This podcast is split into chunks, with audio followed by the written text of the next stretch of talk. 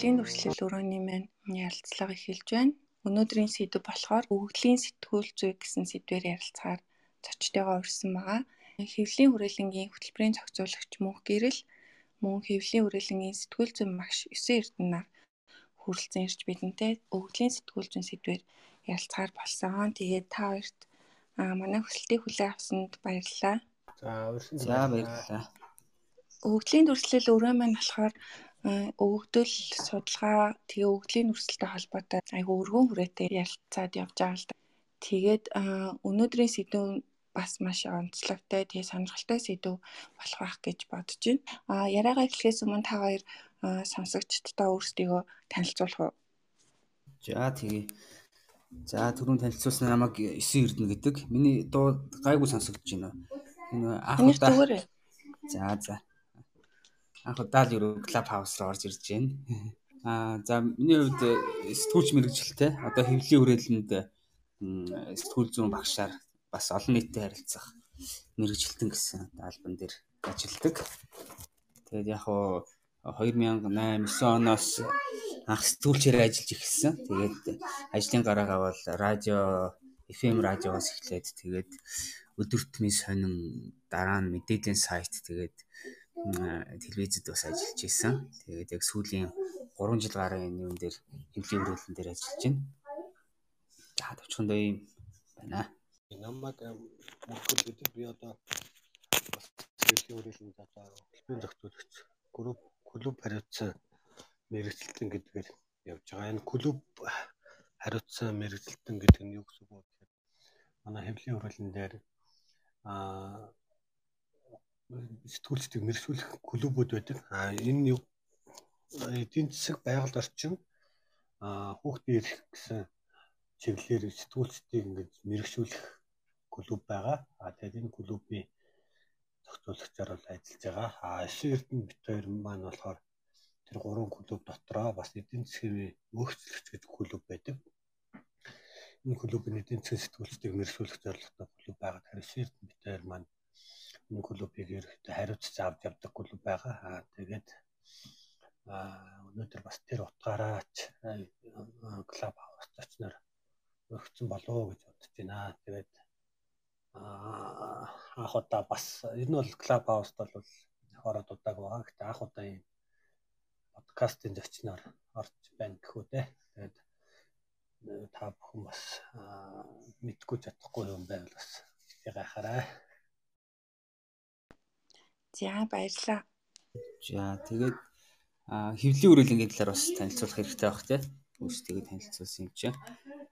За хэвлийн үрэлэнгийн хувьд одоо энэ жил 25 дахь жил нь болж байна. Тэгээд яг энэ одоо чөлөөт хэвлэлийг хөгжүүлэх тийм хэвлэл мэдээлэл хараат бас сэтгүүл зүг одоо хөгжүүлэх чиглэлийн одоо ууган төрийн бас байгууллагуудын нэг. Ер нь бол 90-ад оны дунд үеэс одоо одоо гарч одоо ууган төрийн бас байгууллагуудын нэг л дээ. Тэгээ манайх яг хэвлэл мэдээллийн чиглэлийн сургалт судалгааны үйл ажиллагаа явуулдаг.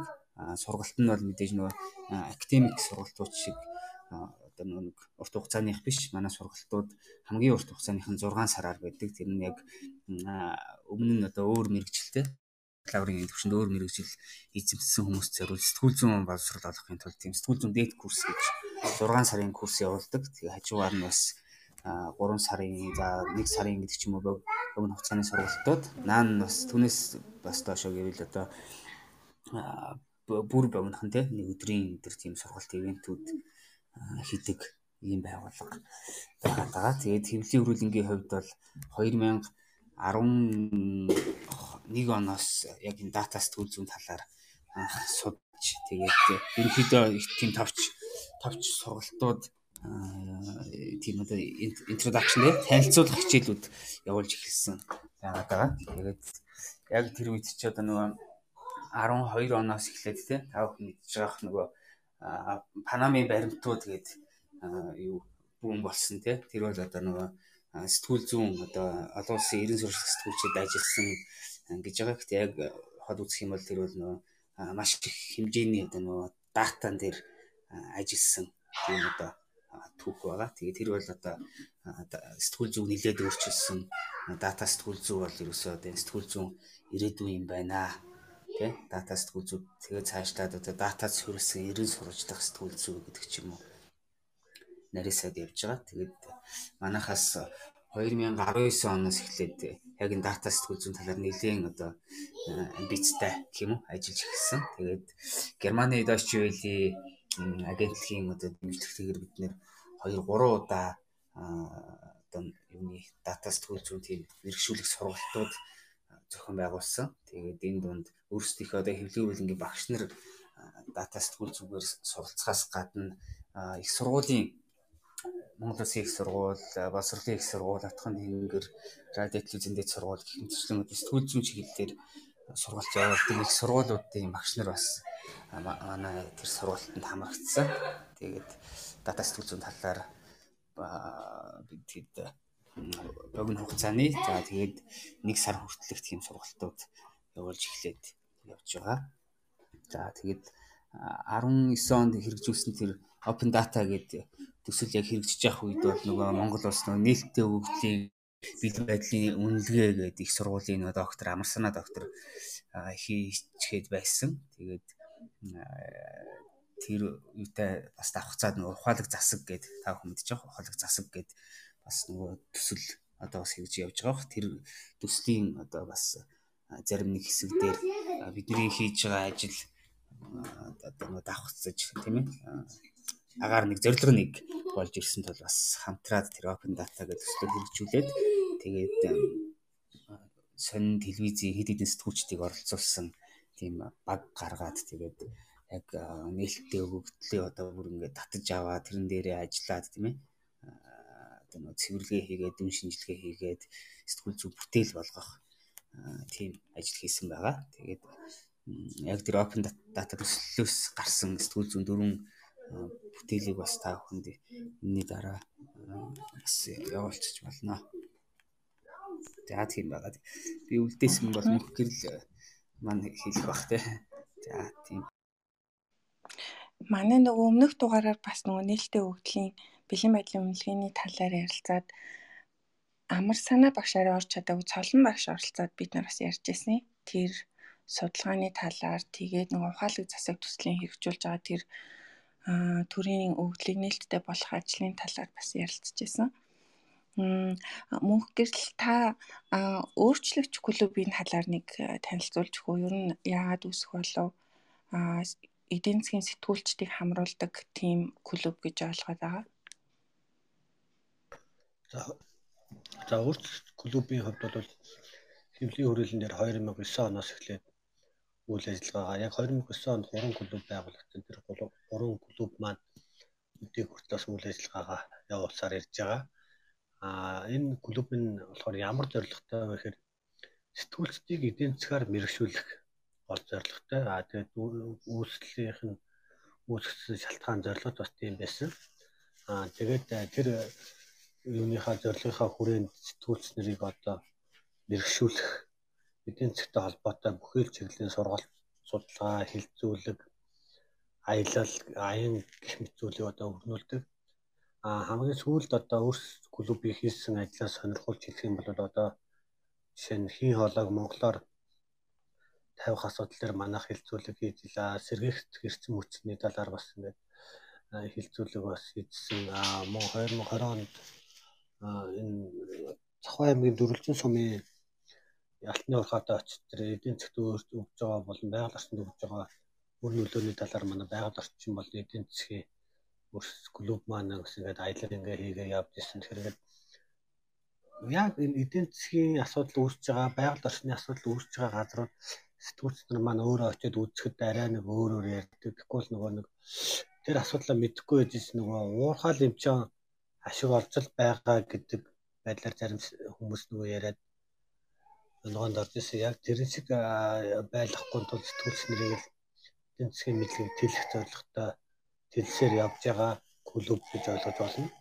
А манайх одоо 2021 оны яг карантины цаг үеэр бид нэр клубээрээ юу хийж байгаа вэ гэхээр энэ дата сэтгүүл зүй гэдэг энэ тэтгэлэг төлбөр зарлаад бас клубийнхаа сэтгүүлчдийг мэрэгсүүлээд ингээд явж байгаа. Тэгэхээр ингээд тогтмол ерөөхдөө клубийнхаа гисүүдэд зориулсан сургалт судалгаа хийдэг гэсэн үг л дээ. А энийг болохоор дан ганц өөр клуб бас бол хийхгүй а гişүүд маань өөртөө санаачлаад бас зарим сургалтуудыг бас хилцүүлгүүдийг ч юм уу бас хийх тохиолдлууд бас байдаг ба.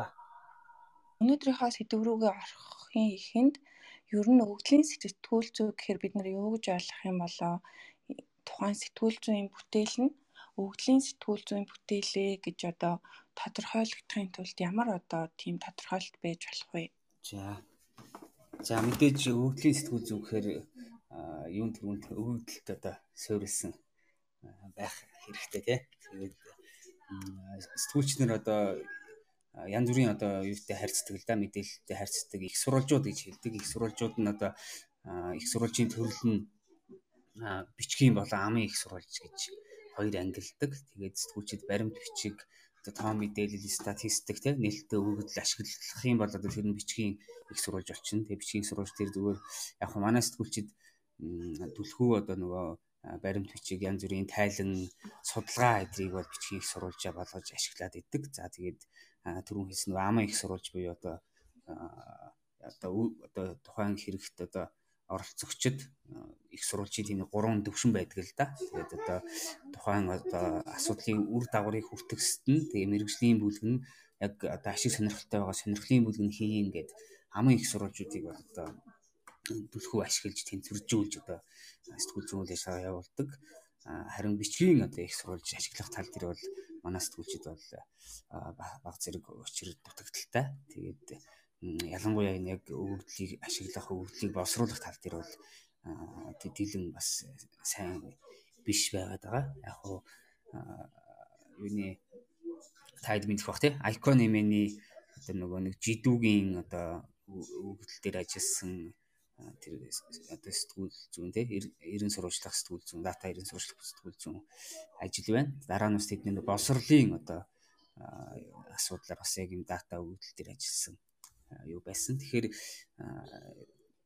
яг хоо та мэдж байгаа хөх яг хоо энэ дэр зүгээр давчхан хэлжүүл юуны icon нэмэний тэр жидүүдээр ажилласан тэр юу бол өгөгдөл нь ойлгомжтой тийм нэг талд одоо зээл авсан эсэх өгөгдөл нөгөө талд одоо улсын хурлын гишүүн эрх мэдэлтэй тийм төрийн одоо өндөр албан тушаалтнууд гэдэг хоёр өгөгдлийг хооронд нь ингээ илүүсэн гэсэн үг тийм. Тэгэхээр энэ бол одоо яг ингээ харьцуулаад ерөн сурвалжлаад дутуу байсан өгөгдлүүдийг гүйцээгээд ингээд ажилласан учраас бол өгөгдөл ашигласан сэтгүүл зүүн нэг жишээ болчихж байгаа. Зүгээр зүгээр л одоо жидүүгийн тухай жидүү одоо жидүү дунд үйлдвэрлэлийн газраас ийм ийм хүмүүс зээл авсан байна.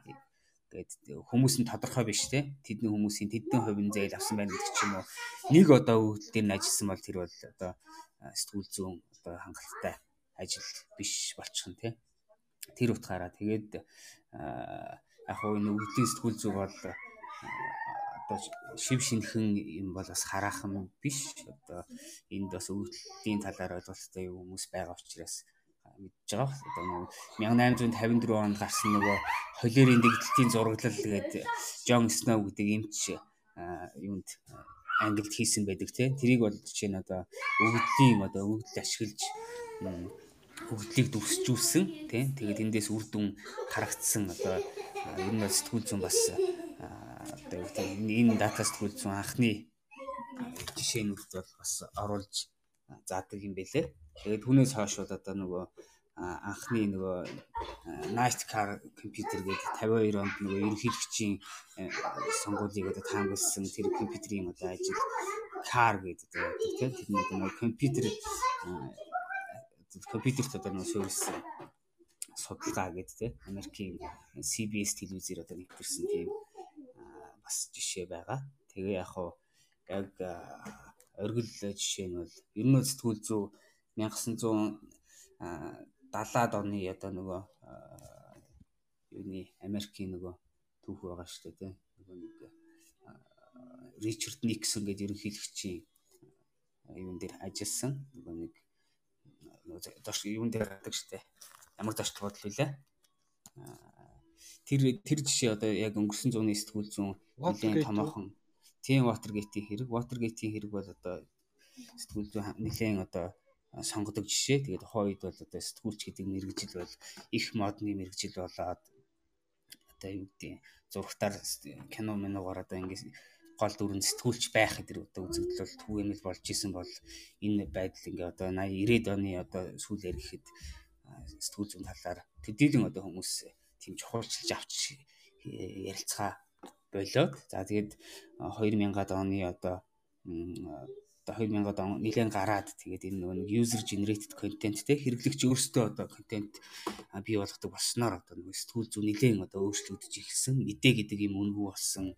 Сэтгүүлчдийн хийж байгаа өдөр тутмын ажил их тийм үнэлэхэд төвөгтэй учир дутагдaltaй болсон тий мэдээний одоо үйлдвэрлэлийн төвдөн сэтгүүлчд байхаа болчихж гэн гэсэн үг шүү дээ тий тэр утгаараа яг тэгэд байж хаад нөгөө юуны Панамын баримтууд дээр сэтгүүлчд ажилласан тэр юу бол сэтгүүлчд бас нэг тийм эргэлт сэргэлт авчирсан тийм одоо үзэгдэл болсон юм аа. Тэгээд яг одоо манай сэтгүүлчийн хувьд бол өгөгдлийг ашиглах тал дээр бол төдийлөн бас сайнгүй байгаа. 19 онд бид нэр тэр open data гэдэг төсөл явж байхад статистикийн тухайн үеийн газрын дарга нь байсан. Одоо сайд болцсон ариун заяа тий ариун заяа сайд яг тэр нэг 12 12 он сэтгүүлчид яаж ашиглаж яах гэдэргээд бас нэг жоохон судалсан юм шиг байна. Тэгээд манад бол одоо нэг нээлттэй өгөгдлийн бэлэн байдлын үнэлгээгээр бол өгөгдлийн хэрэглээ бол одоо өгөгдлийн эрэлт бол маш өндөр байна. Тэгээ хэрэглээ бас төдийлөн сайн биш байна гэж гарсан юм шиг байлээ. Тэгээд энэ бол яг бас сэтгүүлчид дээр ч гэсэн харагдаж байгаа. Тэгээ сая бид нар бас юуны сэтгүүлчд нарт сургалт хийж яхад ч гэсэн тэр байдал харагдаж байгаа юм л да. Өгөгдлөө олж авах, татах асуудал байна. Тэрийг одоо жишээ нь ингээд цэвэрлэх эдрийг хүртэл ингээд эхнээс нь суралцах шаардлагатай болж байгаа юм л да. Өөрчлөгч клубын сэтгүүлчдэд хийсэн тэтгэлэг хөтөлбөр гээд ярьсан шүү дээ. Тэгэхээр тэрний талаар энэ хаанаас санхүүжүүлсэн хөтөлбөр байсан бэ? Тэгээд эдийн засгийн сэтгүүлчдийг зөвхөн хамарсан юм шиг байна. Тэгээд бас энэ сэтгүүлчтэй оролцоо нь хэр байсан бол энэ талаар нь энэ тэгээд тогтмол явагддаг хөтөлбөр үү эсвэл нэг удаадаа явагдаж байгаа болов? Аа тогтмол явагддаг хөтөлбөр бол биш. Бид нэр дотоодынхоо нөөц болцоогоор буюу ямар нэгэн санхүүжилтгүйгээр хэвлэлийн хүрээлэнгийн дотоодын нийт багш нар маань өөрсдөө хөтөлбөрөө боловсруулад сэтгүүлч нартай зориулж хийсэн байгаа. Тэгээд энэ нийт 8 удаагийн сургалт бол болсон байгаа. 8 удаагийн сургалтаа бид нэр цагийн нөхцөл байдалтай холбогдуулан танхимын болон онлайн хэлбэрээр зохион байгуулсан. Тэгэхээр энэ сургалт маань өөр клубийн гишүүдэд болвол зориулсан байгаа. Гишүүд дотроо бүгд бас хамаагүй тодорхой хэмжээний шалгуураар тавиад 12 хүний сонгоо аваад тэр тухайн 12 хүндээ зориулсан тэтгэлэгт хөтөлбөр одоо зарлаад тэтгэлэгт хөтөлбөрөө тодорхой хаалттай бүрийн тул зарлаа. Тэгээд эндээсээ шалгаруулт явуулаад 12 сэтгүүлчийг мэрэгшүүлсэн гэж хэлж болно. Тэгээд ер нь бол цаастаа бол явуулах боломжтой байгаа. Бид нэр Тэгтээ бол ойрын хугацаанд бол 21 онд бол боломжгүй болов гэж харж байна. 22 оноос хойш дата сэтгүүл дахиад оноод төлөх төлбөр бол явах хаа гэж бодож байна.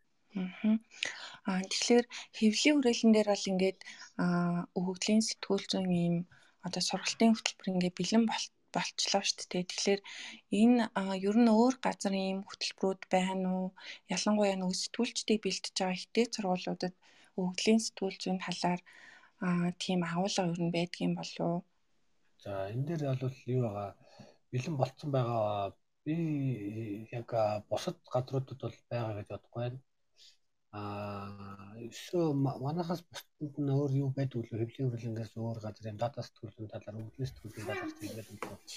Аа. Хичээлүүд байдаг юм байлээ. Хүмүүлгийг сургуул, за мөстер, мобистер тэгээд ер нь яг 19 онд бид нөгөө Германаас Дочи вилигийн сурагч багш нар ирээд бас тэгэхэд одоо суралцсан мөс юм бисийн багш нар яг энэ хичээлдээ өвдлийн сэтгүүл зүйн талаар бас оруулж ирсэн юм шиг үлээ. Тэгээ гэтээ зарим нь бас тэрнээс арай өмнөхөн яг дата сэтгүүл зүй гэж юу юм гэдгийг бас нөгөө танилцуулах тийм дата сэтгүүл зүй удирдгал маягийн хичээлүүд бас орж исэн байж магадгүй юм бэлээ. Тэгээ одоо бол яг миний мэдж байгаагаар Монгол Улсын боловсролын сургуулийн нэг багш яг энэ өвдлийн сэтгүүл зүйн талаар бас дагнаж ажил ажиллаж байгаа бол харагдсан чин зэрэг гэдэг багш байсан. За Мусаас одоо идэр жаргал гэдэг багш байгаа болов уу гэж бодож байна. Тэгээд хүмүүнлэгийн сургуулиас болохоор ариун гэдэг багш яг энэ дата сүүл удирдгал хичээл бас орж ах орж ахыг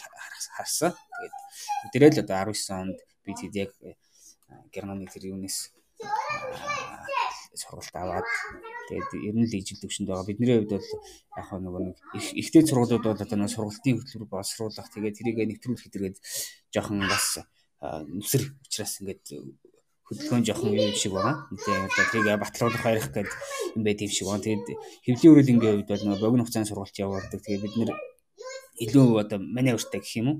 Тэр утгаараа бид нэр яг энэ хөт явж байгаа утгаараа бид хэд бас арай жоохон алхам урд байгаа болов уу гэж таамаглаж байна.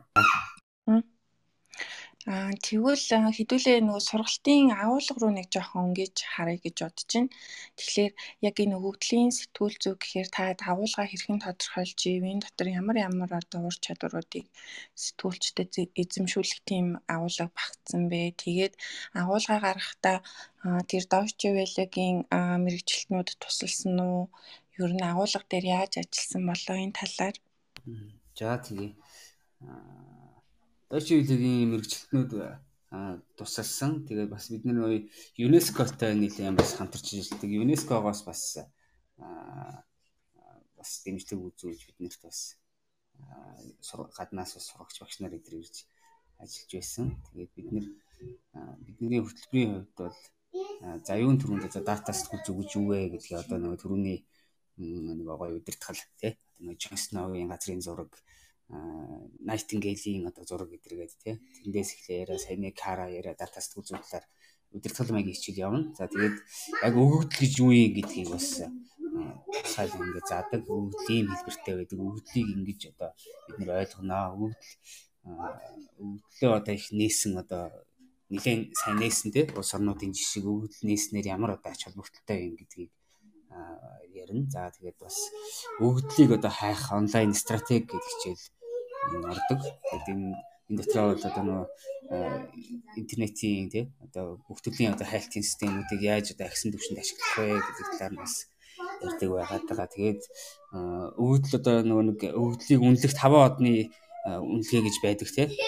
Яг open data төвш аль нь одоо одон дээшлэгдсэн одоо супер бардаг тийм. Тэгээ бидний бидний хувьд одоо юу гэдэг PDF төгөлдөг зурган одоо тэр одоо өгдлийг одоо цэвэрлэж цэвэрлэх биш одоо нэг хувиргаж тийм тэндээс хэрэгтэй мэдээлэл авах тэгээ тэрийг нөө машин readable болгох гэдэг талаар бас хичээл ордог. За тэгээд дараа нь одоо өгдлийг цэвэрлэх өгдлийг цэвэрлэх нь бас нэлээд адармаатай ажил тавх мэдэх бах. Тэгээд өвдлийн одоо дүн шинжилгээний талаар орно. За тэгээд өвдлийг хэрхэн дүрсжүүлэх вэ? Дүрсжүүлэхэд одоо хэрэглэгдэх юмуд платформуд, аппликейшнуудын талаар. За тэгээд мэдээж одоо сэтгүүл зүүн бүтээл гэдэг бол сэтгүүл зүйн чи өөрөө альва ямиг учир холбогдолтой дэлгэж үзүүлэхтэй байдаг тийм ээ. Зүгээр л юм байна гэд нэг хэдэм өр текст нэг графиктэй чулуутчих бас болохгүй. Тэгэхээр энийг яаж одоо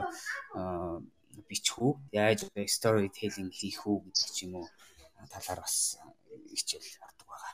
Багш нарын тухайд танад яг энэ өвглийн сэтгүүл зүгээр бэлтгэгдсэн багш нар ерөнхийд байгаа бол тэгээд бас гарын авлага ийм хэвлэмэл ч юм уу тиймэрхүү материалууд гарсан болов.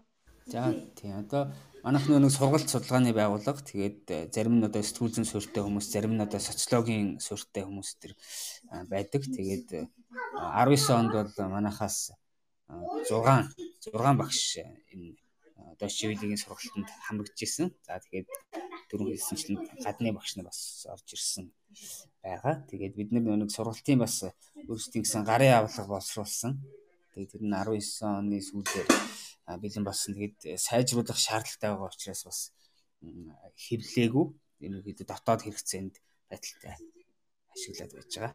Ер нь Монголын сэтгүүлчдийн хувьд энэ өвглийн сэтгүүл зүйг сонирхох сонирхол нь хэр байдгийм бол бас зөвхөн танай сургалтанд хамрагдсан гэлтгүүгээр ер нь сэтгүүлчдийн дунд энэ талын одоо мэдээлэл нь хэр байдаг бол за сэтгүүлчнэр ер нь бол одоо сонирхож байна. Тэгээд ялангуяа нөгөө өгөгдлийг дүрсжүүлэх гэдэг дээр бол сэтгүүлчдэр нэлээд сонирхож байна. Тэгээ нөгөө Icon, GoGo гэдэг сайтууд бол нөгөө нэг бүтээлч дүрслэл тал руугаа нэлээд одоо манлайлж ихэлсэн тий. Тэгээд тэнгуут бусад сайтууд нь яаж мэдээлэл ингэж гоё харагдуулах уу хийх үү гэдэг талаасаа сонирхоод яг тэр дүрсжүүлэх тал дээр бол нэлээд сонирхсан. Тэгээд яг манай сургалтууд 19 оны сургалтанд чинь суусан сэтгүүлчнэр өдр болж өгнө бос юу хэдэн алхам алгасч гიშгч гэдэл яаж энийг дүрсжүүлэх вэ гоё харагдуулах уу гэдгээ хийх гэдэг. Гэтэл яг үндэ нөгөө өгдлөө олох тэрэн дээр одоо чинь таамаглал дэвшүүлээд ажиллах, цэвэрлэх, дүү шинжилгээ хийх гэдгээ хийхгүйгээр дүрсжүүлэх рүү явах юм бол тэр сэтгүүл зүүн биш зүгээр л одоо бүтээч дүрслэл болчих гээд байдаг тийм. Тэгэхээр ер нь бол одоо яг энэ интеллект сонирхол бол нэмэгдэж байгаа. Тэгээд системтэйгээр маш одоо сайн чанартайгаар суралцуулах шаардлага байгаад байгаа. За тэгвэл ерөнхийдөө нөгөө саяны сургалтын агуулгаа эргээд нэг харах юм бол аа өвгдөл олохоос эхэлж байгаа шүү дээ. Нөгөө нэг өөртөө тухайн сэтгүүлч өөрийнхөө одоо тэр бичиж байгаа сэдвтэ ч юм эсвэл шаардлагатай өвдлөө олж цуглуулах гэдэг нь бас аюул чухал. Тэгээд ийм ур чадвар шаардсан ажиллагаа хийж байна. Тэгэхээр ялангуяа тоон өгөгдлийн хувьд болохоор нөгөө нэг яг аль бие осны тийм бодтой үнэн зөв өгөгдөл бол зайлшгүй одоо тэрийг ингэж шалгаж сэтгүүлчд өөрсдөө ашигладаг баг л та. Тэгэхээр Монголын хувьд яг сэтгүүлчид тийм аль бие осны тоо баримтуудыг их хвчлэн хаанаас авж ийн тэгээд тэрнийг нөгөө тэр өгдөлтөө шалгуур тавих үнэн бодтой эсхийг нь одоо тодруулах гэдэг тал руу хэр их ажиллаж байгаа бол энэ дээр та бүхний анзаарсан ямар зүйлүүд байна вэ? За энэ дээр бол ерөөдөө өгдлүүдийн нээлттэй өгдлийн нэлээд хэдэн бааз сангууд бол байгаа. Open data юм байна, open data gov юм байна гэдэг чим 12 12 юм байна гэдэг статистик ерхий газрын иймэрхүү газрууд аа ил тод цэг юм байна гэдэг чим ямар мэдээлэл хайж байгаа вэ гэдгээс хамаарат тухайн мэдээллийг одоо үйлдвэрлэн гаргаж байгаа төрийн болон төрийн бас байгууллагын сайтууд бол байгаа. Open data байна гэдэг манай хэвлэлийн хүрээлэнгийн хариуцж ажилладаг сайт байгаа. Одоогоор гэхдээ яг өнөөдрийн байдлаар бол асуулт орсон байгаа. Эх 7 оноос бол засвараас гараад тийм ажиллаж эхэлнэ. Аа гих мэтчлийн сайтууд бол байгаа. Гэхдээ сэтгүүл зүйн бүтээл хийхэд бол одоо нэг сайтаас мэдээлэл аваад тэр мэдээлэлээ шууд бол ашиглах нь бол бас эрсдэлтэй магадгүй тэр мэдээлэл бол алдагдaltaй байж болно. Тийм болохоор нэг мэдээлэлээ аваад а тухайн мэдээллийг одоо боловсруул тэр сайтад тавигдах хүргэсэн одоо тэр анхны их сурвалжийг нь олж тогтоогоод тэгээд тэр их сурвалжраас бас мэдээлэлээ баталгаажуулах шаардлагатай. Одоо жишээлбэл аа номын сан уншдаг хүмүүсийн тоо гэдэг 12 12 эмэн дээрээс бол ороод авчиж болно л доо. А тэгвэл номын сан дээр очиод танах яг иймэрхүү тооны уншигчтай юу гэдгийг нь бас баталгаажуулаад үзэхээр бас үгүй байдаг. За тэгэхээр нөгөө нэг тэр баталгаажуултыг хийгээд ерөөдөө магадлалыг нь бас тооцоод бас үзэх хэрэгтэй байгаа. Тэгэхээр тийм сайтууд бол байгаа. Ер нь бол нэлээд нээлттэй сайтууд байгаа. Тэгэхээр яг хайгаал байх юм бол бас олдно юм байна. Танай нөгөө open data цэг юм ээ нөгөө нэг open data цэг gov юм-ээс өөр юм байна тий. Тийм open data-г бид нэр яг тэр нөгөө төслийнхөө хүрээнд ер нь бол одоо нөгөө мундаг одоо тийм сайт сан байгуулъя гээд тэгээд нөгөө нэг мэдээлэл авах эрхийн тухай хууль байгаа шүү дээ. Тэр хуулийн дагуу бол одоо төрийн байгууллага ийм ийм ийм одоо хүний нөөц тийм тийм тийм мэдээлэл нээлттэй болгох хэрэгтэй өгөх ёстой тийм. Одоо чинь албан бичиг ингээд явуулахад бол ингээд ийм ийм форматаар ийм мэдээлэл ингээд авмаар байна гингүүт явуулдаг тийм. Тэр мэдээллүүдийг бид нэр ингээд татаж аваад тэгээд ер нь бол сэтгүүлчдэд хэрэгцээтэй тийм одоо мэдээллүүд нээлттэй өгдлүүд байж идэг тийм сайт болгоё гэд ажиллаж байгаа. Тэгээд наач нэг төрийн бус байгууллага учраас бас төдийлөн юутай одоо зарим ажил дээр одоо санхүүжилт хүн хүчний улмаас бас яахгүй байгаа. Тэгээ open data бол бид нэр сэтгүүлчд зориулсан одоо нээлттэй өгөгдлүүд байдаг.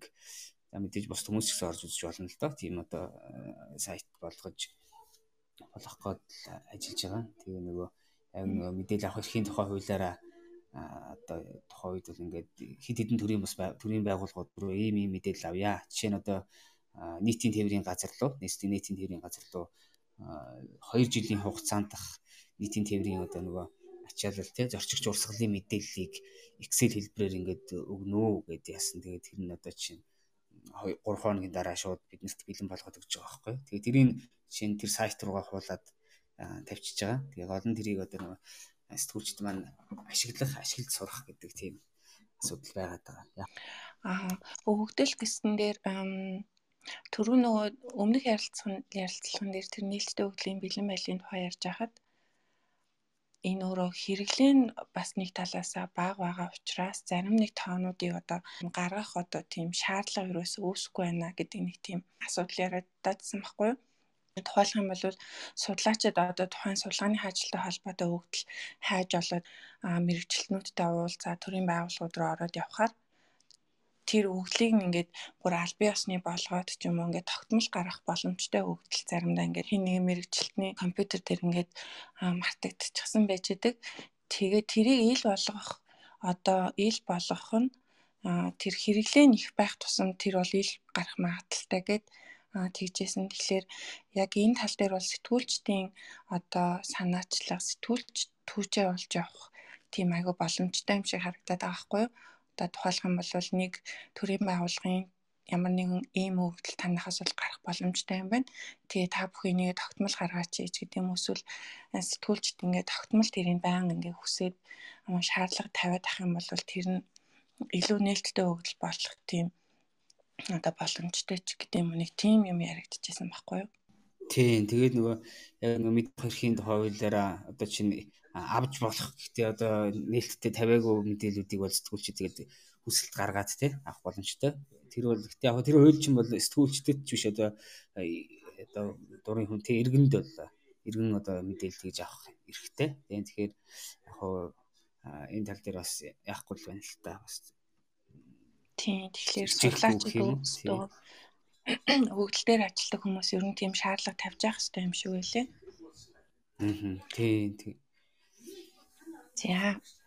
За одоо ингээ өгдлөө ямар нэгэн байдлаар олчлоо. Тэгэхээр тухайн өгдлийнхөө цэвэрлэх, боловсруулах, дүн шинжилгээ хийх гэдэг нэг тийм том юм явагдаад байгаа шүү дээ. Тэгэхээр ер нь одоо сэтгүүлчд сэтгүүлчдэд энэ талын одоо мэдлэг нь хэр байдгийм бол зөвхөн энэ мэдлэг бол зөвхөн энэ өгдлийн сэтгүүлчүүдтэй холбоотойгоор л гарч ирээд энэ эсвэл угаасаа сэтгүүлч хүн бол өгдөлтэй ажиллах учраас ийм одоо өгдлийг цэвэрлэх, боловсруулах, ялангуяа тоон өгдөлтэй ажиллах тийм ур чадвар ер нь зайлшгүй байх ёстой юм уу? Эсвэл Тэгэхээр яг яг энэ өгдөлтэй ажиллах юу бол зайлшгүй шаардлагатай байгаад байгаа. Наацх нь одоо Excel дээрээ тийм ээ. Excel дээр одоо юу гэдэг бид нар бол жишээ нь нэг юун дээр ажилласан нөгөө 2016 оны улсын хурлын гишүүдийн мэдээлэл дээр тэгээ нэг эртцийн хурлын гишүүдийн эрт улсын хурлын гишүүдээс хэн нь одоо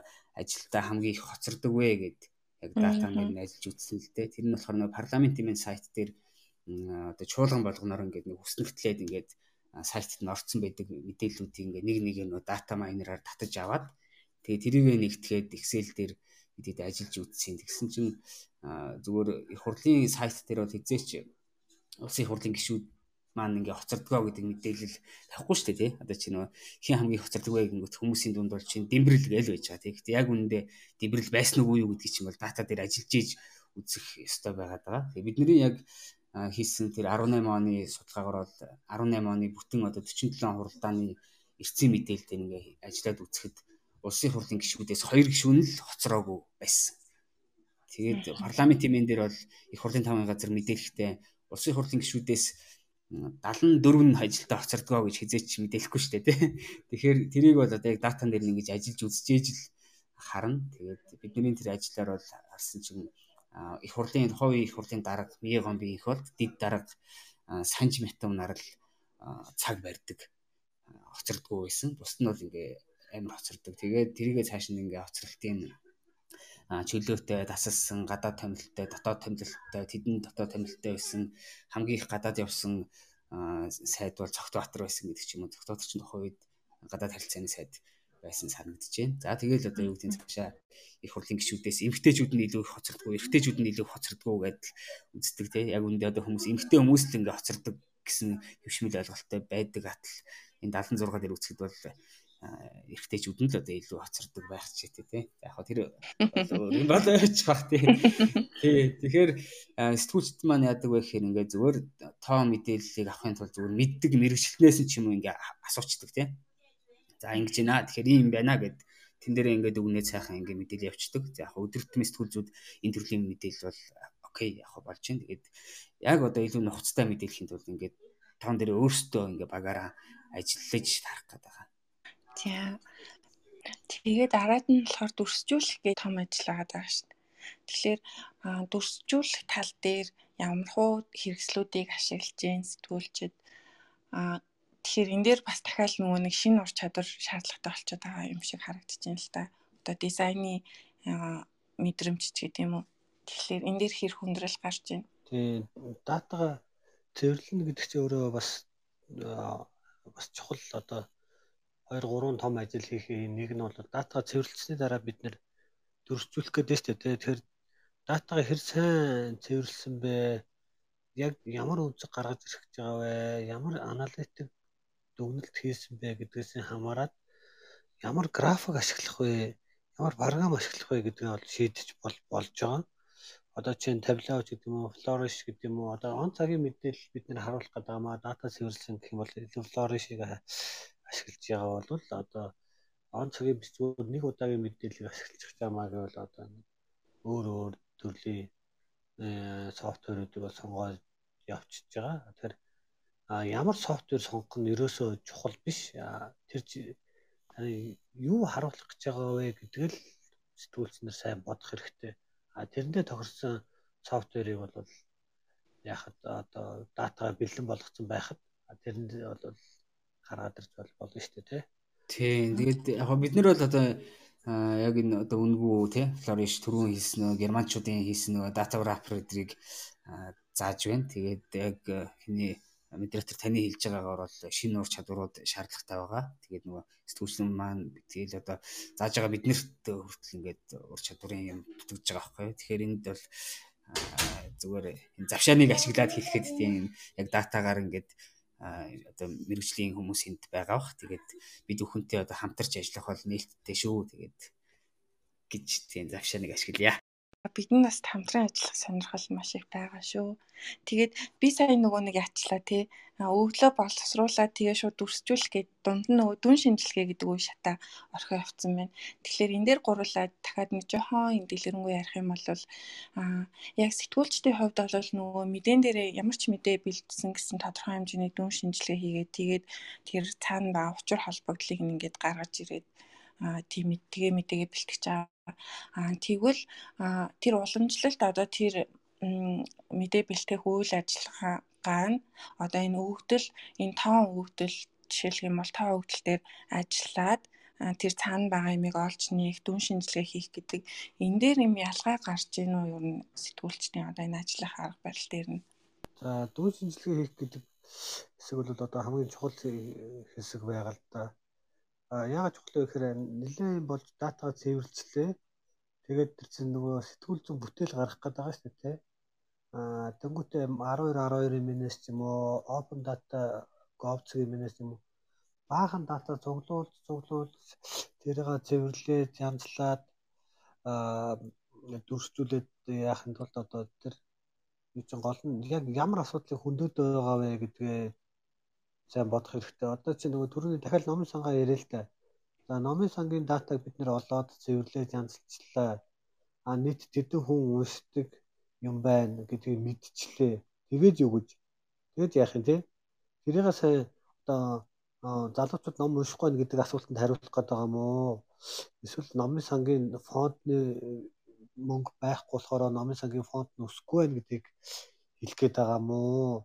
Эсвэл улсын хурлын гишүүн хоцроод байна гэдгийг хэлэх гээд байгаа юм ямар асуудал хөндгöd байгаа гэдгийг бид нэр анханасаа датагаа боловсруулахаасаа өмнө бодсон байх хэрэгтэй. Аа тэгээд тэрнтэй холбоотой датагаа цуглууллаад аа тэгээд тэрнтэй холбоотой дүн шинжилгээнүүдийг хийнгүүт аяанда гэдэг олон дата цуглуулах хэрэгтэй болдог.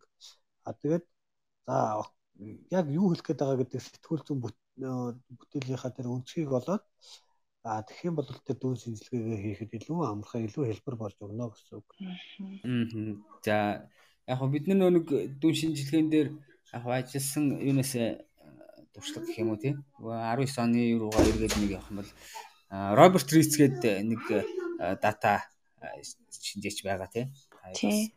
Тэр нэрээ тий Роберт Риц багш болоо явж байгаа ах тий. Роберт тий Роберт Риц манай дээр яг чөлөөт байдлаар тийм гэрээлээд нэг хоёр одоо хичээл бас зааж ирсэн сэтгүүлч нарт. Тэгээ яг табло яаж табло яаж одоо ашигласан? Тэгэл нэг одоо бүр тодорхой жишээ харуулж байгаа юм л да. Нөгөө улсын хэмжээнд гимт хэргийн гаралт ямар байдгийг ингээд тэр бол одоо нөгөө гадаад хүн учраас өөртөө сонирхолтой байна л да тий. Аль одоо аймагт гимт хэрэг гаралт өндөр байдгийг юу байдгийг гэдэг ч юм уу тий. Одоо жишээ нь зарим хүмүүс бол одоо юу гэдэг лээ догшин зустай ямар хүн гэдэг лээ ямар ястан бэлээ тэр аймагт л одоо гин тэргийн гаралт өндөр байгаа гэж бодож идэг бол жишээ дата дээр ажиллангууд огт өөр байдаг ч юм уу те тэгээд нөгөө Улаанбаатар хотын гин тэргийн гаралтын талаар булаалт дээрэм танхайрал эдэргээ бүгдийг яг бүр ингээд нэг бүрчлэн гаргаад юун дээрээ табло дээрээ хийгээд тэгээд тэрийг яг нөгөө нэг хотын одоо нөгөө дүүргийн газрын зураг дээр ингээ дүн шинжилгээгээ хийгээд харуулж явах жишээтэй. Тэгээд тэгээд тэр хин Роберт Рицийн хийж байгаа бас блогийг уншвал тэн дээр ер нь бол яг дата сэтгүүл зүүн бас тийм юмуд харагдаад байгаа. Тэгээд сэтгүүлчдэрт бол Роберт Рицээс суралцах хэрэгтэй, яах хэрэгтэй гэж блогийг унших хэрэгтэй гэж зөвлөдیں۔ Тэгээд яг хоо яг дүн шинжилгээнд дээр 19 оны тэр төсөл дээр бол бид нэр өөртөө яаж бас мэдрэл байдлаар ажиллаж чадахгүй учраас их сургуулийн багш нарыг одоо тусламж авч ирсэн. Их сургуулийн нэг хэрэглээний математикийн багш Бат тулаг хулан махгал гэдэг багш нар ирж бас биднэрт юм зааж исэн. Тий. Түн шинжилгээний талаар. За одоо чи ингээд нөгөө нэг сошиал юмнууд айгүй их э, хэрэглээтэй болчихсон. Тэгээд энэ онлайн одоо жишээлх юм бол нөгөө icon go go GoGo дээр байгаа тэр интерактив дүрслэлүүд эднэр ингээд айгүй нөгөө хэрэглэгчд нь ч гэсэн өөрсдөд нь айгүй таалагдаад ийм хэрэглээтэй болж эхэлж байгаа шиг байна л та. Тэгэхээр бас энэ дахиад юу гараад ирж байна одоо дүрслэлтээр тийм веб суурилсан дүрслэл тэгээд тэр цаана нөгөө код мод бичдэг дахиад бас нэг тийм шинэ юм бас хэрэг болчиход байгаа юм шиг харагдаж байна л та. Тэгэхээр ер нь ингээд энэ өгөгдлийн сэтгүүл зүг гэдэг чинь ингээд нэг талаасаа ингээд сэтгүүлч хүний ур чадвар тэнгүүтлээ өгдлийн одоо шинжээч хүний ур чадвар тэгээд одоо ямар нэгэн байдлаар дизайны дүрслэлийн ур чадвар тэгээ бүр ийм веб IT-ийн талын ур чадвар хүртэл ингээд шаардагдаад байна л да. Тэгэхээр ер нь өвглийн сэтгүүл зүг хөгжүүлэхэд ингээд сэтгүүлч өөрөө ингээд тодорхой хэмжээний эдгээр ур чадваруудыг эзэмших ёстой юм уу? Эсвэл эн чинь ингээд ямар нэгэн ийм агентлаг ч юм уу нэг юм багийн ч юм уу тийм редакцийн ч юм уу тийм ажил байх хэрэгтэй юм уу? Энэ тал дээр ер нь юу гэж анзаарэгддэг бол? Аа. За яг хөө сэтгүүлчнэр сураад тэгээ трийг ашиглаж байвал тэгэхэд гоё штэ тий цэнгэлийн манлайд хөрнэ гэдэг л болох байлгүй тэгээд яг хоо төдийлөн одоо суралцаж бас чадахгүй юу байгаа тохиолдол багаар ажиллах нь зөв гэж бодож байгаа. 90 сурчлах бүтээлийг сэтгүүл зүйн бүтээлийг бол багаар хийдэг тийм. Тэгэхээр дата сэтгүүл зүйн одоо томхоо хэмжээний бүтээл бол багийн ажил байна. Тэгэхээр багаар хийгээд ингээм хамтдаа суралцаад бие биенийхээ ажил нөхөд явбал бас зүгээр бах. Тэгээ нөгөө дата сэтгүүл зүйн хэд хэдэн хакатон гэж 18 оноос хойш боллоо тийм. Дата сэтгүүл зүйн тэгш байдлын хакатон гэдэг 18 19 онд болсон. Тийм тэн дээр би юмс байгууллагаас орчиж бас нөгөө юугээр ментороор ажилласан яг нөө сэтгүүл зүйн талын ойлголттой юу хүмүүст бас хэлэх шаардлагатай гэдэг. Тэгээд дараа нь нөгөө нэг дэлхийн банкнаас нөгөө ус баавуулахаг хакатон бас болсон. Тэгээд тэн дээр ингээ харж байхад бол багтаа нэг сэтгүүлчтэй тэгээ дизайнер за тэгээд код код бичих хүн гэдэг ч юм яг тэгж багаараа одоо ингэж ажиллаж байгаа байдал харагдаад байгаа. Тэгэхээр дата сэтгүүл зүг хөгжүүлэх гэвэл яаралтай тий одоо ингээ хөгжүүлээ юм хий тэгээд богино хугацаанд бодит үр дүнд хүрэх гэх юм бол сайн баг бүрдүүлээд тэгээд явах хэрэгтэй юм шиг байна. Тэгээд тэгж бодож байна. Манай томгаахын хөгжлийн урлан бас яг энэ тал дээр яг таны саяны хэлсэн дээр илүү санал нийлээд байгаа байхгүй юу. Тэгэхээр хөгжлийн дүрслэл дээр бид нэр илүү төлөв ажиллах сонирхолтой байгаа л да. Тэнгүүд зөвхөн судлаач хүн дангаараа олол ажиллана гэхэд жоохон хүндрэлтэй байгаад байна. Яг түрүүний сэтгүүлч дээр ярьсан шиг судлаач хүнд бас юм дизайны ур чадвар, IT-ийн ур чадвар магадгүй сэтгүүлчийн хүртэл ур чадвар шаарддаг болчиход байгаа байхгүй юу? Нэг тийм гоё өвглийн төрсөлтэй одоо судалгааны ажил эсвэл өвглийн шинжилгээ хийх гэхлээр тэгэхээр яг ийм багийн ажил хэрэгтэй юм шиг санагдсан. Тэгэхээр би нөгөө ингэж яриадсан байхгүй өмнөх ярилцлагууд дээрээ одоо өвглийн шинжээч, судлаач, тэгэнгүүтлээ дизайнер тэгээд IT-ийн ийм гурван тал оролцуул аюу гоё юм болох гээд байна гэж яриа явуулсан. Тэгсэн чинь сая ингээд таажтай ярилцсан ярилцсан чинь аа сэтгүүлчдийг ч гэсэн бас ингэж оролцуулах хэрэгтэй юм байна. Яг одоо судлаач бид нар ч нөгөө судалгааныхаа үр дүнг юм энгийн ойлгомжтойгоор тайлбарлах ялангуяа тэр ямар үг ашиглах уу яаж бичих үү гэдэг дээр бас ингээд тийм нэмэлт ажиллагаа шаардагдаад байдаг л та. Тэгэхээр тэрнээр бас сэтгүүлч хүмүүсийг хүмүүстэй хамтраад бас тусламж аваад явах юм бол илүү гоё бүтээл гарах юм шиг санагдлаа. Тий. Одоо нөө та бүтээлч төвслэл гэдэг таад ярьж байна тий. Тэгээ энэ бүтээлч төвслэл хүмүүстэй ялч хурж байгаа учраас энэ талыг дэмжих юмнууд бас гадуур нэлээд явж байгаа шиг байна. Сая сая ч гэж одоо оны өмнөх нь би андуураг бол огног нь андуураг бол бүгд найрамдчуудын олон улсын хүрээлэнгээс нэг судалгаа хийлгээд а залуучуудын одоо сошиал медиа хэрэглээ тэгээд худал мэдээллийн хэрэглээний талаар судалгаа хийлгээд янз бүрийн байгууллагаар хийсэн нэг судалгааг манайхаар хийлгэсэн байх жишээтэй. Тэгэнгүүтээ залуучуудын дунд энэ судалгааг ашиглаад бүтээлч төвслэл хийх уралдаан гэж зарлж байгаа байхгүй тий. Тэгэнгүүт тэн дээр нь жишээ нь одоо нөө UB Life юу тэр Go тэр сайтууд яг тэр датагаа хэрхэн одоо бүтээлчээр дүрсчүүлэх вэ гэд ингээ ажиллаж байгаа байхгүй. Тэгэхээр нөө сэтгүүлчнэр энэ давуу тал нь юу гэхээр өдөр тутмын одоо ингээ өдөр тутамдаа мэдээлэлтэй байж идэг. Тэгээд яг энэ одоо үеийн одоо улс төр нийгэм одоо тэгээд энэ дотор оролцож байгаа хүмүүс тийм ээ. Одоо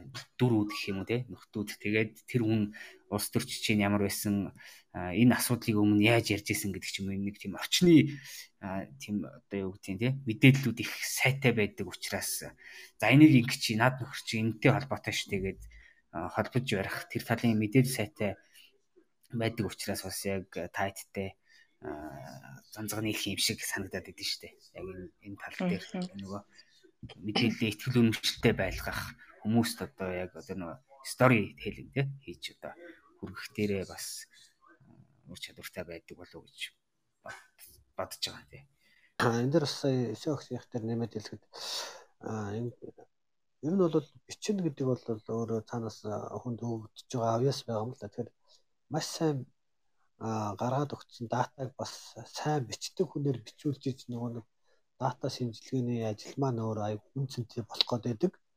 Тэгэхээр айгүй мундаг олон газраас олон нээлттэй их сурвалжаас датагаа аваад мундаг үнэтэй програм софтвер ашиглаад юмаа гаргаад үр дүнгээ гаргаад ирдэг. А тэрийг яг бичихтэй болохоор яг бичдэг хүнд өгөөд бичүүлэх юм уу эсвэл бичдэг хүнтэй анханасаа хамдарч ажиллах юм уу тиймэрхүү байдлаар багаар ажиллах болов шаардлагатай. Одоо жишээ нь бас манай дата сэтгүүл зүүн одоо би дата гэж яриад байна. Тэгээ өгдлийн сэтгүүл зүүн тэтгэлэг хөтөлбөрийг төгссөн хүмүүс маань одоо бас бүтээл хийж байгаа. Тэр бүтээл нь яаж байгаа гэхээр одоо чинь нэг нь зөвхөн датаг нь олж авахд нэг нь тэрийг дүрсзүүлээд нэг нь бичээд нэг нь хянаад гэдэг чинь ингээд дөрвөн хүн дөрв дөрвөөрөө баг болоод 12 хүн маань гурван баг болоод бүтээл гарах үйл явц маань явж байгаа л да. Тэгэхээр дөрвөлэл дата враппер дээр ажиллаад дөрвөлэл амар сайн бичдэг бол биш. А тэгтээ дөрвөлээ сэтгүүлч явахгүй. Тэгтээ сэтгүүлч хүн өөрийгөө тэр чиглэлээр ингэж хөгжүүлэх хэрэгцээ шаардлага тулгарч байна гэсэн. Одоо өөрөө бүтээлийг гаргачлаа гингүүтээ тэрийг медиум дээр тавь тавьдаг эсвэл дата враппер ашигладаг чадвар сэтгүүлчээс ингээд цаг үеэсээ болоод сэтгүүлчээс шаардаж эхэлж байна л да. Тэгэхээр аа дор хаяж 4 3-аас 4 хүний бүрэлдэхүүнтэй баг бүрэлдэхтэй ихэд баг тус бүрийн гишүүн болгон тийм чадвартай байх хэрэгтэй байх найл гэдгийг бол бас бүгдээрээ мэдээд авах хэрэгтэй гэсэн үг. Тэгээ яг зүгээр багаар ажиллах гэдэг дээр хэлэхэд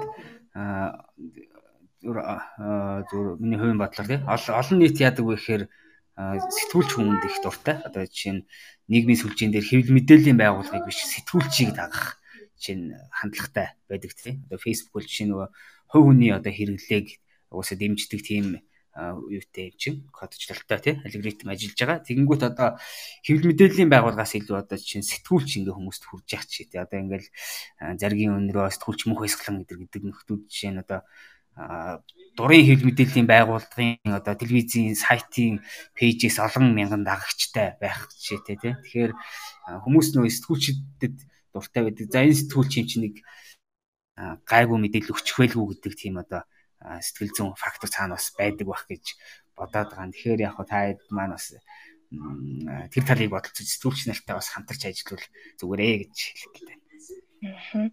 Тэгээд бас нэг анзаарсан юм нь болохоор түрүү ярьж байхад өвглийн сэтгүүл зүгт чинь явж явж нөгөө нэг өрийн сурвалжлах сэтгүүлч сэтгүүлчүүд тал руугаа илүү орчоод байна гэдгийгсэн.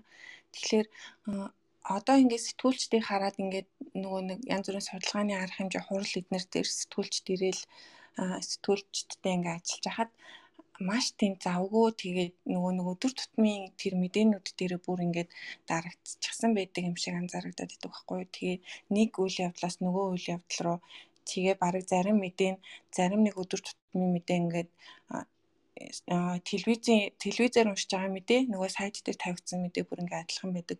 Энэ гих мэтийг харахаар ингээд айгүй завгүй тэгээд өдөр тутмын мэдээндээ дарагдсан байдаг болохоор ингээд өвглийн дүрслэл дээр суух ч юм уу эсвэл ийм эрдэнэ сурвалжлах сэтгүүлзүүдээр ажиллах тийм цаг айгүй бага байдгийн болов тэр нь нөгөө талаараа энэ өвглийн дүрслэл одоо тэр талынх нь юмнууд одоо баг байгаад бас нөлөөлт юм болов гэж анзаарагдаад идэг. Аа тийм. Тэгээд яг үнэн тэгээд өдөртмийн сэтгүүл зүү тэгээд нөгөө хурдтай мэдээлэх гэдэг рүүгээ явчлаа л да. Одоо 10 11 оны үед мэдээллийн сайтыг сэтгүүлч байсан. Тэгэл яг л одоо надаа газ бич газ дамжуул гэл тийм одоо байдалтай ажилдаг байсан л да. Тэгээд юу гэдэг нь тэр үед үйлчлэлтэй маягийн юм гэх юм бол сайтууд хоорондоо уралддаг. News Go Go а манах Time Man гэх сайт байсан. Тэгээд хоорондоо уралдааны сүлдээ юу болж хувирсан бэ гэхээр ингэж байгаа юм л да.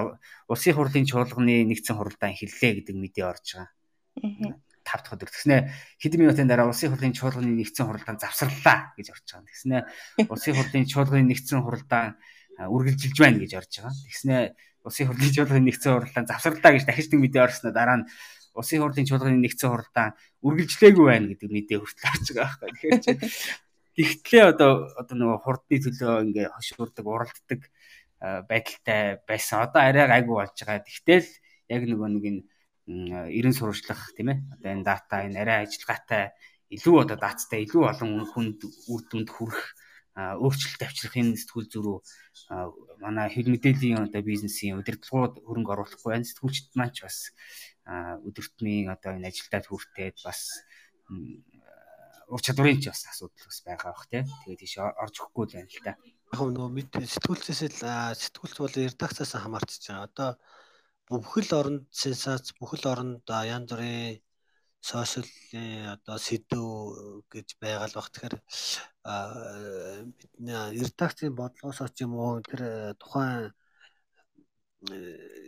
сонины телевизийн барьж байгаа бодлогоос хамаарат бид нар ийм мэдээ нийтлэн ийм мэдээ нийтлэхгүй хурдтай байна, чанартай байна гэдэг ч юм уу тэрнээсээ бол хамаарж байгаа юм л да. Жишээ нь Icon бол олон мэдээ оруулдаг ч гэсэн бас тэр дата бүтээл оруулдаг хэсэг нь бол бас өөр байдаг. Тэг хүн хүчнийхээ нөөцөөс хамаарат бас өөр өөр бүтээлүүд бас орох боломжтой. Түрүү бас тэгж хэллээ л дээ нөгөө дата сэтгүүлзэн маань өөрөө ерэн сурвалжлах сэтгүүлзээ нэг хэсэг болох гэж байна үгээр бас яг тэгж бол ойлгож болохгүй. Ерэн сурвалжлах сэтгүүлзээ гэдэг нь ямар нэгэн аа нууц гэх юм уу үл тайлагдсан байгаа. Тэгээ ямар нэгэн фактыг илрүүлж гаргахаар ерөн судаллах багийн удаан хугацаанд ажиллаж байгаа бол дата сэтгүүл зүүн гэх юм бол арай богино хугацаанд аа тэгээд нээлттэй байгаа датан дээр шууд аваад тэрэн дээр аналитик хийгээд тэгээд гаргах байгаа. Тэгэхээр одоо баг зэргийн ер нь бол ялгаа бол байгаа гэдгийг бодох хэрэгтэй. Тэгэхээр одоо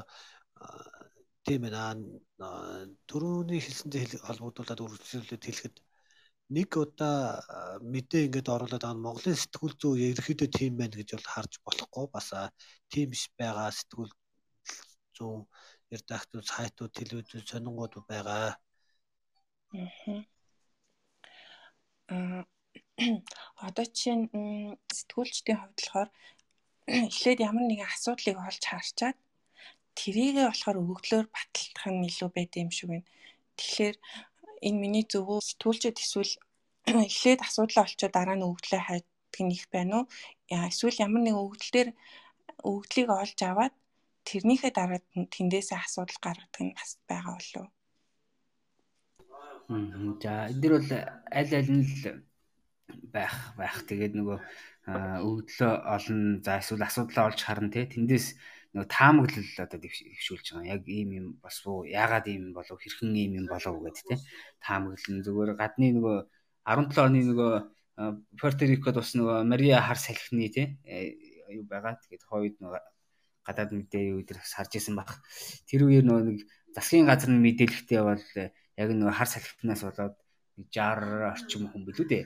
Нас урсаан гэж мэдгдсэн чинь нөгөө тэдхийн одоо нөгөө ерэн сурвалжлах сэтгүүлчид юм дээр нь эмнэлгийн болон янз бүрийн одоо бусад датанууд дээр ажиллаж байгаад тэгээд яг жинхэнэ хохирогч нь бол 487 болохыг тогтоосон байгаад байгаа. Тэгээд тэр эдийн үзэж байгаагаар болохоор нэг хар салхины одоо хар салхинаас болж одоо ийм олон хүн нас ороогүй харин хар салхины дараа нөгөө засгийн газар яаралтай арга хэмжээ авалгүй үл хайхарснаас болоод олон хүн нас орсон гэдэг одоо ерөн сурвалжсан байна. Энэ бол нэг төрлийн бас датагаа ингээд датан дээр ингээд таамаглаад тий. Тэгээд датагаа одоо цааш нь баталгаажуулж э, дүнсэн ясан дүн шинжилгээ хийсэн одоо байдал байгаа юм л та. Тэг яг хөө өөрөөний 10 сая 2 жилийн өмнө Хаамбургт жил болгоно нэг дэлхийн 90 сурвалжлах сэтгүүл зүйн олон улсын хурал гэж болдог. Тэгээд тэрийг бас таад үзээрэй олон улсын дэлхийн 90 сурвалжлах сэтгүүл зүйн холбоо сүлжээгээ байгаа. Тэн дээр бол яг одоо жил болгоны хамгийн шилдэг дата бүтээлүүдийг сайт дээр оруулдаг байгаа. Тэгээд эднийхээс жил болгоны олон улсын хурал хийдгийн өнгөрсөн жилийн жилийн хоёр л ингээ худлаа боллоо тийм ковидээс болоод 20 оных болохоор юунд биш 19 оных болохоор Германы Хамбургт болсон. Тэгээд энэ дээр миний байгаагаар 250 гаруй тийм одоо юунууд хуралдаанууд тийм жижиг хуралдаанууд дээр болсон бол тэрний бараг 60 гаруй хувь нь дататай ажиллах талын юм явж байгаа байхгүй. Тэгэхээр яг энэ датаг ашиглах энэ дээр одоо ажиллаж сурах гэдэг бол яг сэтгүүлч тийм бол зайлшгүй торч гар харахгүй юм болж байна л гэж ойлгож байгаа. За тэгвэл Монголд яг одоогийн байдлаар ийм өвгдөл өвгдлийн дүрслэлийг ашигласан сэтгүүл зүй буюу өвгдлийн сэтгүүл зүйн одоо хамгийн сайн туршлагууд энэ байна гэд таад нэг хитэн жишээ хэлвэл За тэгээд юу түрүүнд 18 оны их баха тий. Тэгээ нөгөө тэрний өмнөх э, жидүүгийн одоо тэр айконы ажил бол тун сайн болсон.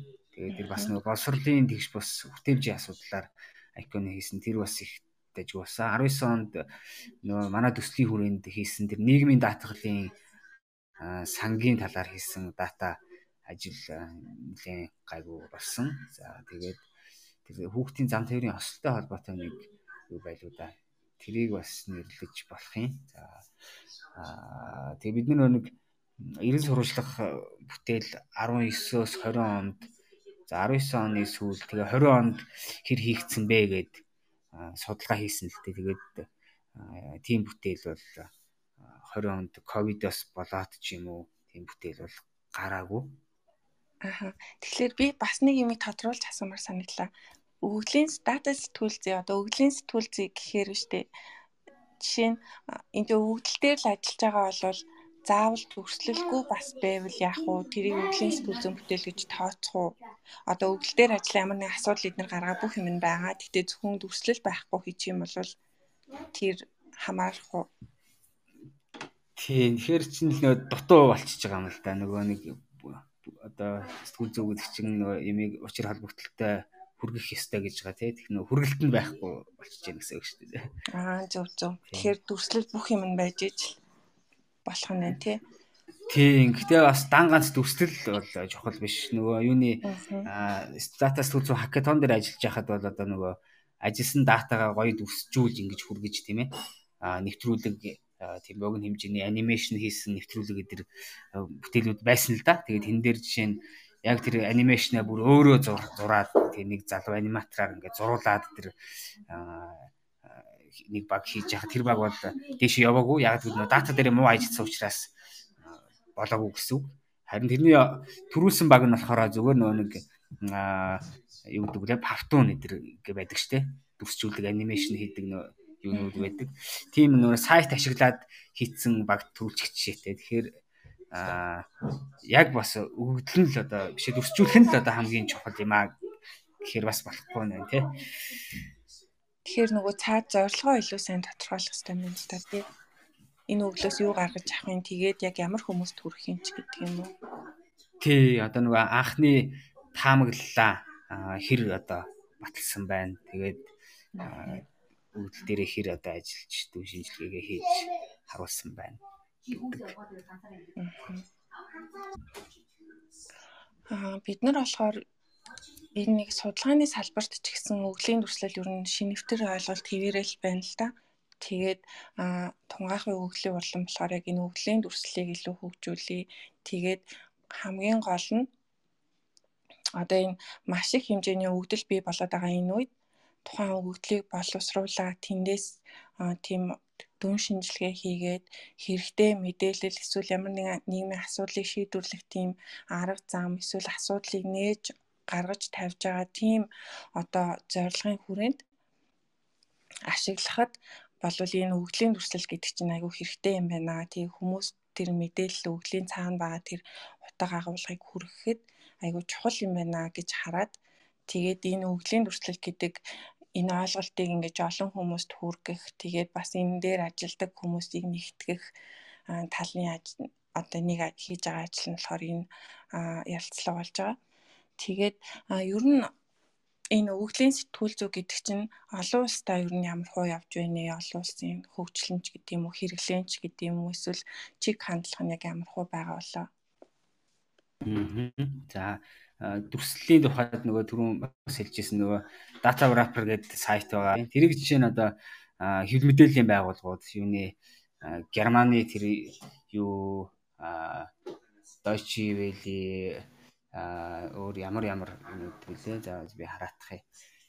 Яг тийм албан ёсны том одоо мэдээллийн агентлагууд нь ашигладаг тэр байх жишээтэй.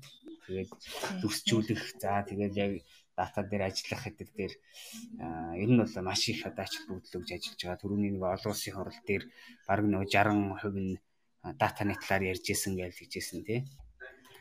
Олон улсын нөгөө сайтуудыг харж хахад Bloomberg нөгөө юм уу New York Times гэдэг тэднийг харахад тийм нөгөө графикийн хэсэг бүр тийм тусгай цэс бүгдээрээ үүсгэсэн. Тэгээд яг яг л жинхэнэ нөгөө дүрслэлээ тавьдаг Тэгээ нөгөө яг тухайн цаг үеийн мэдээллийг илүү дүрслэлээр харуулсан.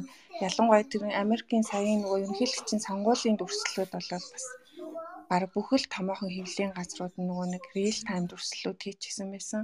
Тэдэр нь бас айгүй гоё харагдчихжээ. Тэгэхээр бас тэр тал руу нэлээ явж байгаа юм шиг харагдсан. Нөгөө сая нөгөө улсын хурлын юу бодлоо хийгээд байгаа шүү дээ.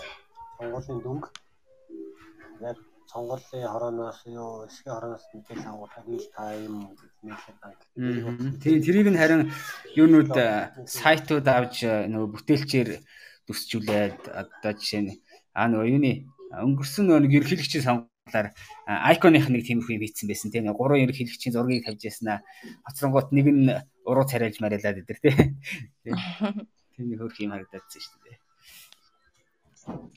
тэр бол илүү нэг Аа. илүү IT-ийн яваад ах шиг те цаана нуур чадвар тэр нөгөө веб хөгжүүлэлтийн юмнууд нь. Тийм, тийм байх тий. Тэгээд яг энэ веб одоо хөгжүүлэлтийн тэгээд ер нь нөгөө дизайны талын аль аль талын ур чадварууд ингээд цогц байж ээж л одоо датаст үзэг болох гэдэг ашиг шүү дээ. Тэгээд дизайн бол чухлаа гэдэг би нөгөө нэг юм явитаа дээрээ үз тийм. Дизайны мэдрэмж гэдэг бол гендрийн мэдрэмжээс тутахааргүй чухал шүү гэдэг. Наачээс гоё үг шүү дээ. Манай нөгөө өгөгдлийн дүрслэл гэдэг энэ өрөөний нэртэй тийм Facebook групп байгаа. Тэгээд бид нар тэр групп дээр болохоор нөгөө нэг хаанаас өгөгдлөл болох уу, хаана ямар өгөгдөл байна. Аа тэгээ өгөгдлийн дүрслийн ямар гоё ажлууд байна. Хаана ямар судалгаа хийгдэж байна гэдэг тиймэрхүү мэдээлэл одоо ор солилцоо явж байгаа. Тэгээ та бүхэн бас нэм сонирхолтой өгөгдлийн сэтгүүл зүйн талаар аа ч юм уу тийм гоё сонирхолтой мэдээлэлүүд байх юм бол бас манай гişүүдэд зориулаа бас тэн дээр юм оруулж ивэл бас их баярлалаа шүү. За э, сонирхноо бас та хэдийн бас одоо тийм мэрэгжлийн хүмүүсийн ажлуудыг бас орж үзэхдээ таатай байна. Тийм. За би тийшээ нөө хүсэлт явуулсан байгаа сая. Тэгээ ер нь аль аль талдаа л шинэлэг л байгаад юм л та хөгжлийн төрслөл гэдэг юм чинь. Тэгэхээр хамтраад ингээ мэдээлэл солилцоо тэгээ хин хаана юу хийж гин гэдгээ бас мэдчихвэл айгүй илүү төхөмтэй юм шиг санагдаад энэ ярилцлагуудыг зохион байгуулж байгаа. Тэгээд бидний хүсэлтийг хүлээж аваад өнөөдөр ярилцсанд маш их баярлалаа. За өрсөнд баярлалаа. Аа өрсөнд маш маш их баярлалаа. За баярлалаа. Өнөөдрийн яриаг маань сонссон сонсогчдоо баярлалаа. Тэгээд дараагийн даваагаар бас нэгэн сонирхолтой сэдвээр цөмөрөө уулзцаая.